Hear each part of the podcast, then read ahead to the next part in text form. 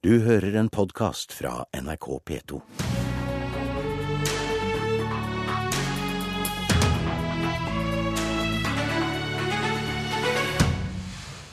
Regjeringa er den nye avgiftsalliansen, hevder Arbeiderpartiet. Ap må lære seg å rekne, svarer regjeringspartia. Og nok et nederlag for Danmark sin statsminister. Danskene sier nei til tettere EU-samarbeid. God morgen og vel møtt til Politisk kvarter. Hvem legger opp til høgst avgifter for folk flest? Regjeringspartiet, som er tufta på å sette ned skatter og avgifter, Frp og deres samarbeidspartnere, eller Arbeiderpartiet? Dette har du rekna på, Marianne Martinsen, finanspolitisk talsperson i Arbeiderpartiet, og hva har du kommet fram til? Hmm.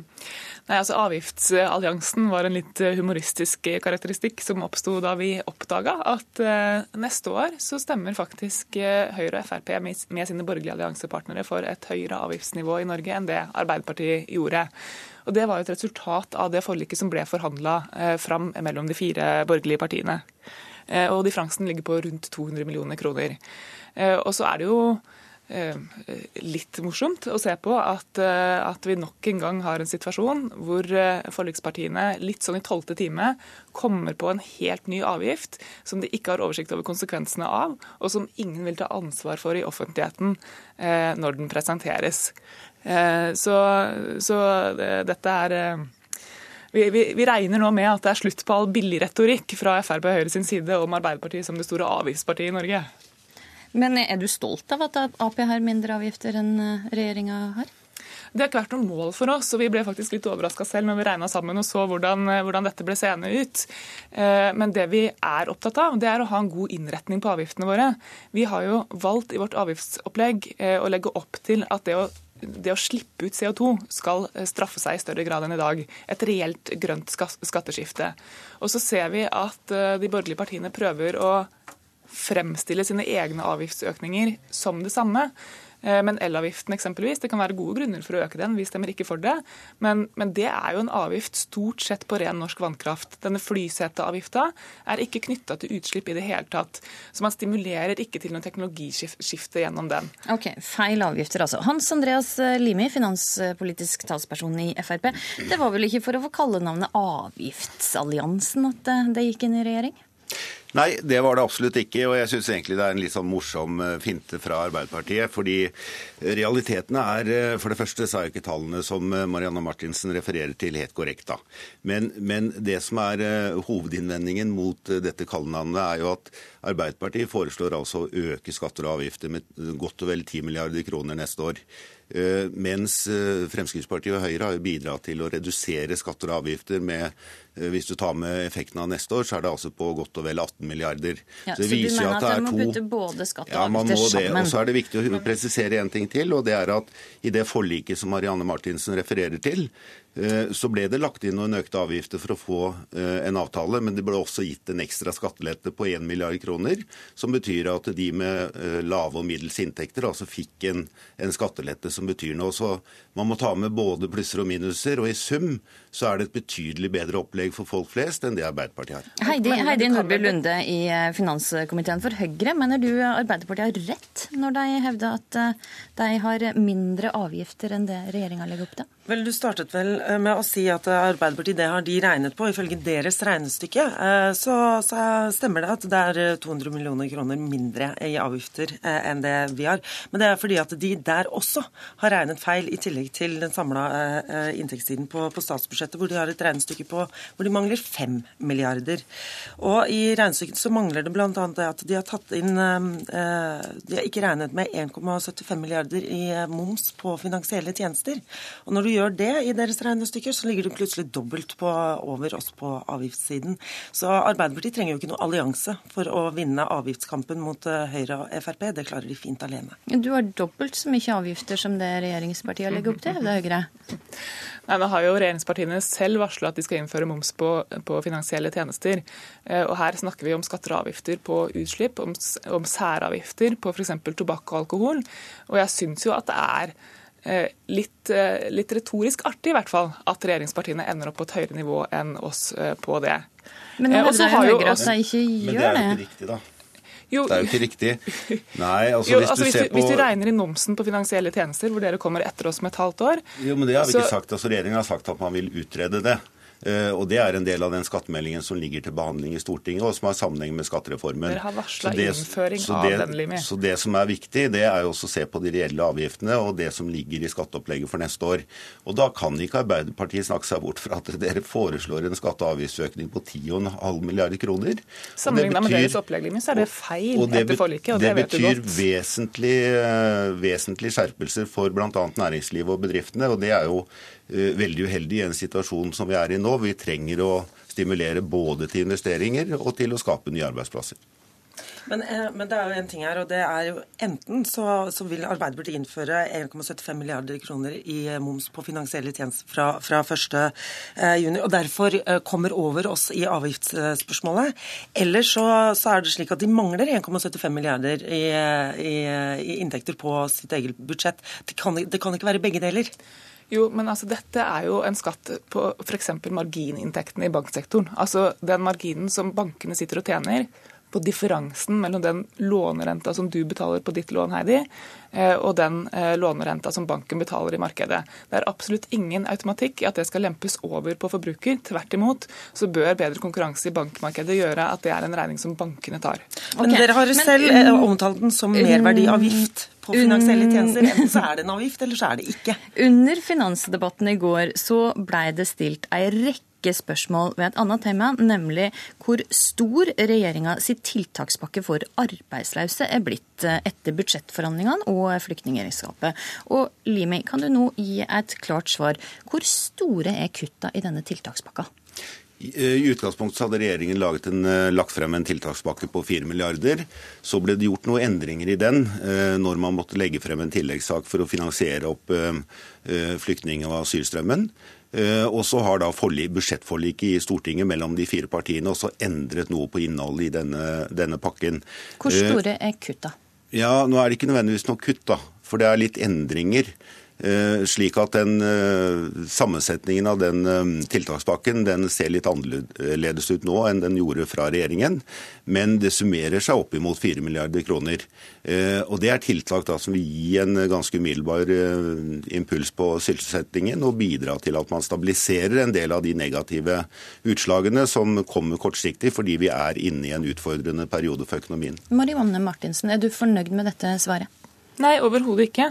Og Bakgrunnen her er jo at regjeringa forholdt seg passive til stigende ledighet i månedsvis. Stemte ned alle Arbeiderpartiets forslag. Så kom statsministeren i valgkampen og varsla at det skulle komme en sysselsettingspakke, en ekstraordinær pakke retta mot Sør-Vestlandet. Og Det virka som at hovedpoenget med den ikke var innholdet, men at den skulle være større enn Arbeiderpartiet sin. Det var hun i hvert fall veldig opptatt av. Så kom budsjettet, eh, hvor man pekte på en rekke budsjettposter som summerte seg til ca. 4 milliarder kroner. Vi syns det var litt rart at det stort sett var vedlikeholdsbudsjettet til regjeringa, men det er i og for seg ikke hovedpoenget. Mange av de budsjettpostene forsvant ut gjennom tillegget og forliket. Og Vi har bare stilt et helt enkelt spørsmål hvor stor er den pakka nå? Og blir møtt med veldig aggressive svar og beskyldninger om å spre usikkerhet fordi at vi vil ha klarhet i dette.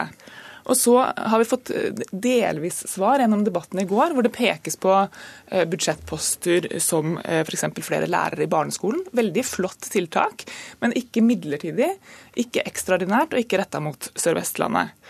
Og så var det jo, da kan vi få et svar si. på dette, Limi. Altså, har, har det putta inn uh, ekstra ting i tiltakspakka for å få den til Nei. å være 4 milliarder fortsatt? Nei, Jeg har bare lyst til å presisere at det virker som Arbeiderpartiet nå er manisk opptatt av pakker og, og tiltakspakker. og og det er viktig. Det er viktig å ha uh, kortsiktige tiltak for å avdempe det vi nå ser uh, utvikler seg i økonomien. Samtidig må vi ha fokus på det som er det langsiktige uh, og, og overordna.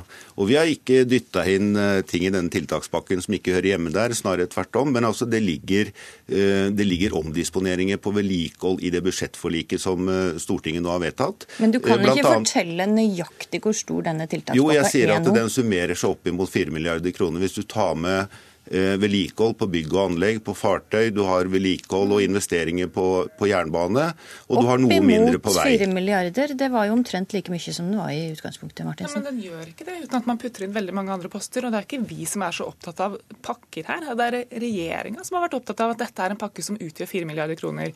Og det var jo litt artig å observere i går gjennom debatten hvordan mange representanter fra regjeringspartiene, inkludert Fremskrittspartiet, gikk opp på talerstolen og snakka om at nå hadde man lagt fram et tilleggsnummer på 9,5 milliard, eh, som også ville ha sterk sysselsettingseffekt. Og Det er i og for seg en ærlig sak at hvis man mener at nå bruker vi så mye penger på asylmottak, at det virker så stimulerende ute i kommunene at vi ikke trenger en så stor tiltakspakke som regjeringa i utgangspunktet la fram så får man si det.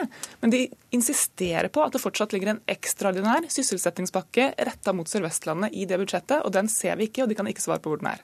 Men du må huske på at, på det, ja, man må huske på at um, det, det, som vi nå må forholde oss til å håndtere, altså den flyktningen- og asylsituasjonen, eh, den skaper også betydelig aktivitet. fordi vi må altså etablere mottak, og vi må etablere et eh, apparat som håndterer alle de som nå kommer til Norge. Okay. Nei, og det ligger tiltak som er rettet spesielt mot eh, de deler av landet, fortsatt i denne pakken. Hans Andreas Limi, Heidi Nordby Lunde og Marianne Martinsen, takk for at det kom til Politisk kvarter.